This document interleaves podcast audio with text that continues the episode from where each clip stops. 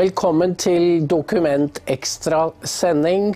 I dag tir tirsdag 8. Nei, hva er det jeg sier? Jo, tirsdag Nei, onsdag 8. Jeg beklager. Onsdag 8. februar, og med meg har jeg Alf R. fra Spania. Vi har en helt spesiell historie i dag, og det er artikkelen til Seymour Hersh om eh, sprengningen av Nordstrøm 1 eh, og 2. Det skjedde 26.9. i fjor. Og allerede den gangen så var det eh, noen som ikke kjøpte at dette var en russisk operasjon. Du var jo blant dem som var skeptisk til det, Alf. Og så kommer da denne 5000 ord lange artikler Hersh. Og for oss som har levd noen år, og det har du og jeg, så eh, er ikke Seymour Hersh noen hvem som helst. Han er 85 år nå og har mange skup eh, bak seg. Han representerer den eh, del av eh, journalistikken som går sine egne veier, og allikevel har veldig gode kilder innad i det amerikanske statsapparatet. Hvordan vurderer du denne artikkelen, Alf? Er den troverdig? Virker den troverdig på deg? Det, det gjør den absolutt. Eh, det ene, det ene, poenget selvfølgelig for oss uh, reportere er jo at forfatternavnet er Seymour Hirsch. Og Seymour, uh, som jeg tror jeg har fjernt møtt en, bare én gang, men jeg har fått jobbet sammen med hans uh, kolleger, har jo et gullkantet et, et, et, navn som er kjent i yrket for troverdighet, for ureddhet og for hederlighet over hele verden. Han, jeg, jeg, tror det første gangen vi hørte om han, det var da han avslørte massakren i My Lai i Vietnam, som vel tror jeg var i 1970. Og siden har han jo kommet med den ene store nerveskakende avsløringen om forholdene i amerikansk politikk og, ut, og utenrikspolitiske fenomen. Eh, og han driver altså fortsatt på. Og, og det Eh, andre er selvfølgelig at vi vet jo at han har ekstremt gode kilder i de hemmelige tjenestene. Mm. Som, som, eh, så vidt jeg skjønner, er kildene hans denne, i denne artikkelen. Mm. Det, det, er det ytre. Men eh, det andre er jo hans beskrivelse av hendelsesforløpet, som er jo nøyaktig sånn som alle vi andre som har studert dette, er kommet til. myten om at Russland selv skulle sprenge sin egen, sitt eget er jo fullstendig uten troverdighet. Alle som tenker litt, skjønner det. For De behøvde ikke å sprenge det, de kunne bare skru av kranen. Så ville de ha spart mange milliarder i tillegg. Mm -hmm. Og det kan vi være helt sikre på. De undersøkelsene som svenskene sier de har gjort med tysk samarbeid, Eh, så gode vi er på å hva heter det, forensic, eh, å gjøre tekniske undersøkelser av bruddsteder, sprengstoff og alt, så ville vi ha visst hvis de hadde våget å legge det fram. Hvis det var russerne, så hadde vi fått vite det med en gang. Men tausheten forteller oss noe her, at det er noen helt andre. Ja. Og, og uh, også hans beskrivelse av selve modus operandi for meg, ser for meg meget sannsynlig og troverdig ut. Mm -hmm. Og jeg tror at det er noe som dette som har skjedd. Det er selvfølgelig Alle vi i journalistikken hans vet jo at det er å få ting 100 riktig når, når, så mektige menn som eh, de folkene bak Det hvite hus, som nå holder på å lede verden inn i en krig, og hvor de til og med sender Natos generalsekretær til Japan, som har vært avrusta siden 1945, for å hisse til opprustning, Mm. Så skjønner du Hans, at det er en mektig klan å fighte mot. Så å, å forvente at Seymour Hirsch, mm. selv så god han er, skal få hver Men han har gjort en helt ut fremragende og imponerende jobb, og han våger å legge dette fram. Ja. Så jeg tror at han er på det riktige sporet. Og det er så alvorlig. Det er så alvorlig at vi i Norge har tror jeg kun etter krigen vært borti en, noe lignende to ganger. Det første var i 1960, da, da CIA sendte sitt uh, U-2-fly fra Pakistan. Fløy over Russland og ble skutt ned over Sverdlovsk. Og det viste seg at det skulle lande i Bodø. Noe som utløste en, en nesten fatal krise uh, i Norge. Hvor, uh, hvis du husker Khrusjtsjov, kom med de berømte ord til uh, ambassadøren, som vel den gangen var Gundersen. Så sa han at han, han hadde bomber som var så sterke at bare én kunne knuse alle vindusruter i Norge. Mm. Ja. Den andre episoden er jo da det sovjetiske bombeflyet, eller jagerbombeflyet styrta på øya Hopen, som jo er norsk område i Arktis. Og russerne kom med krigsskip og la seg utenfor og forlangte å få inspisere og undersøke vrakdelene selv, og spesielt tilgang til ferdskriveren. Som utløste en lang og alvorlig krise mellom Norge og mange mener at det er den største påkjenningen vi har hatt. Det, hvis virkelig vi har vært aktivt, så aktivt som den artikkelen sier, med på dette, ja. lagt forholdene til dette, så er jo det nesten det vi på latin heter casus belli. Det er nesten en krigshandling. Ja. Vi, vi, spiller nå, hvis dette er riktig, så spiller vi nå et ufattelig høyt spill. Ja. Med hele landets fremtid uh, i politikkens ende. Det er, det er, dette er fullt og blodig alvor, og, og, og, jeg forventer det. Jeg ønsker folk vil være med og forlange det. En full og uavhengig etterforskning av hva som har skjedd. Vi ser jo at det er en stor taushet blant mediene. Nettavisen har skrevet om det, men de har nå en rekke saker om Stoltenberg som på en måte slår denne historien i hjel. Tror du vi kommer til å få noen spørsmål i spørretimen til regjeringen om denne saken? Hvilket ville vært naturlig? Det får jeg da ved, ved Gud håpe. Ellers så har vi jo fullstendig oppheva det parlamentariske demokratiet i dette landet. Hvis, hvis ingen, ikke engang av opposisjonen, bryr seg om en type handling som dette, som, som kan uh, sette landets sikkerhet i fare, så, så det, noe annet vil jo være helt uten presedens i vår historie overhodet. Det at avisene ikke vil skrive om dette, det er jo ytterst merkverdig. Jeg, jeg, kan like lite som noen andre forklare hva som har foregått i, i journalistenes hoder. Journalistene skal drive samfunnskritikk. Det er det hele poenget. Journalistikk kan være mye. Det kan være underholdning, det kan være teater, det kan være masse.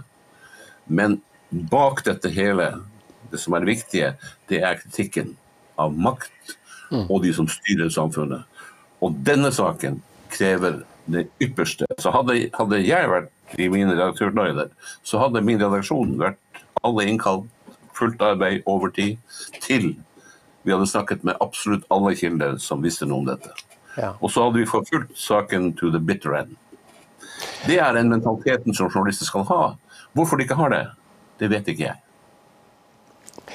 Det er vel denne tausheten som skremmer mange av våre lesere og seere, fordi de registrerer at noe som er av verdenshistorisk betydning, eh, nemlig en, en sabotasjehandling mot et annet land, hvor Norge er implisert, ikke avføder noen kritiske spørsmål, og pressen tier samtidig som vi pøser våpen inn i krigen i Ukraina. Er denne, her er det en dissonans som jeg tror skremmer veldig mange.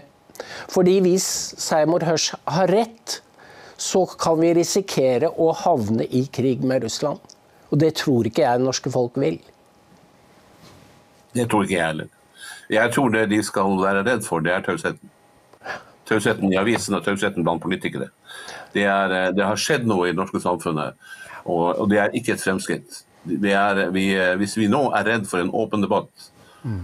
og Tenk tilbake på tiden før 9. april, hvor eh, lite forberedt vi var. Og vi er omtrent på samme stadiet i dag. Med de få midlene vi har til rådighet, eh, så må vi på en måte innta en mer realpolitisk holdning til virkeligheten. Og vi kan da ikke, hva det vi enn har gjort, utlåne vårt territorium til et angrep på en annen makt. Nå skal man tenke gjennom hvordan Jeg hører at eh, utenriksministeren har sagt at dette er bare tull.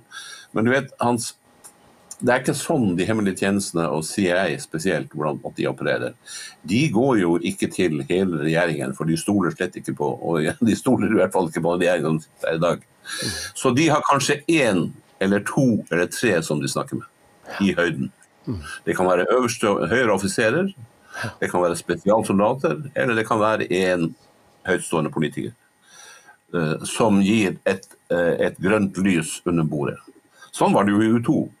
Regjeringen var jo ikke i sin helhet eh, orientert om at U2 skulle lande i Bodø.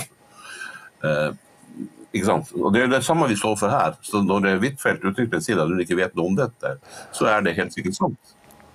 Disse karene har, eller kvinnene har tatt seg til rette og, og, og brukt vårt territorium å, og vår teknologi antageligvis til å utføre dette. Jeg, jeg kan godt si mer om Jeg prater jo litt mye nå, Hans. Men Nei da. vi, altså, du vet, Hans, eh, vi har drevet med offshorevirksomhet i Norge siden 1969. Og det er nå uh, over 50 år siden.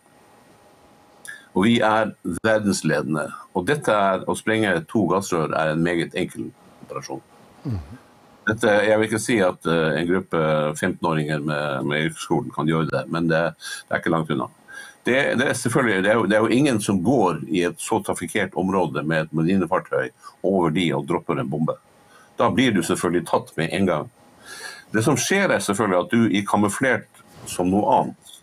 Og Seymour Hersh sier altså at det, det var den delen av den øvelsen som heter Baltops eh, 2022, hvor de, brukt, som, hvor de brukte rørledningene som mål for ulike minedykkeroperasjoner. Det var da sprengladene ble lagt ut, altså i fjor. Disse sprengladningene ble da utstyrt med en, med en, med en tenningsmekanisme. Eh, og disse, tenningsmekanismene under vann har vi hatt i Norge i hvert fall, eh, i hvert fall i 30, kanskje 40 år.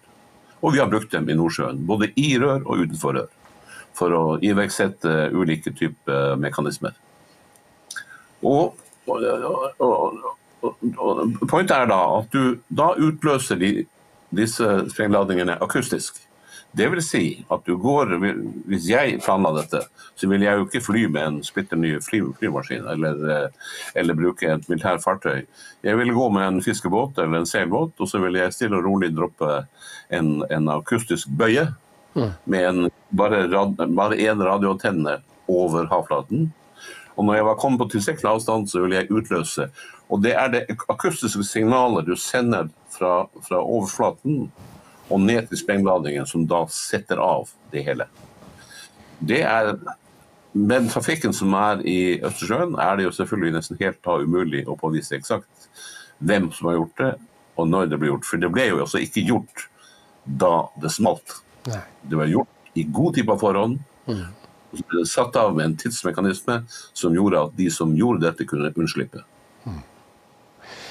Men vanskelig er det ikke.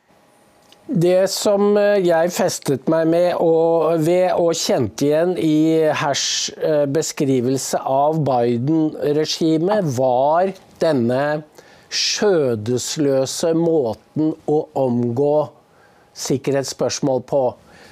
Eh, Fordi Nordstrøm 2 var et stridsspørsmål helt fra Trumps tid. Eh, Han eh, fikk stoppet ferdiggjøringen, og så kommer Biden inn, og han er svak. Så først lover Blinken at det blir ikke noe av, men så snur han noen måneder senere og tillater at ledningen ferdigstilles. Så øker spenningen mellom Ukraina og Russland, og da er det de Jake Sullivan, nasjonal sikkerhetsrådgiver, kommer inn i bildet og lager denne her tverrfaglige gruppen hvor de diskuterer hvordan stopper vi rørledningen. Og så kommer eh, forslaget opp vi sprenger hele dritten. Og Ja. da er det en som sier This is an, Hvis vi blir tatt, så er dette en krigshandling. Og de bryr seg ikke, de gjør det. Og hvis Norge har vært med på dette, så er det noen hemninger, bremser, i det norske systemet som er blitt borte. Fordi dette er en krigshandling. Det er, det er helt riktig. Og din beskrivelse selvfølgelig av forspillet er jo nøyaktig som Seymour Hirsch meget troverdig beskrevet. At de er, har spilt ut sine politiske kort utrolig dumt. Og har én opsjon i å sprenge. Og så sier de hvem kan vi finne som er dumme nok til å gjøre det? Eller som er kjøpt av oss, eller som er avhengig av oss, eller som er våre nære allierte. eh, Og som kanskje kan påta seg å hjelpe oss. Jo, det er vi, Ola Dunk, ikke sant. Og husk på, eh, husk på at vi har eh, Vi er jo i en spesiell stilling som jeg alltid egentlig har syntes var det gode. Var at vi, vi har et forhold til USA og Nato hvor de lover å støtte oss i en krig. Eh, Mens vi gir eh, militære data og etterretninger som vi samler inn, til deres bruk. Eh, Men det, det, det, det, det finnes mange eksempler på at det er en vanskelig balansegang. Men som regel løser man den mellom venner.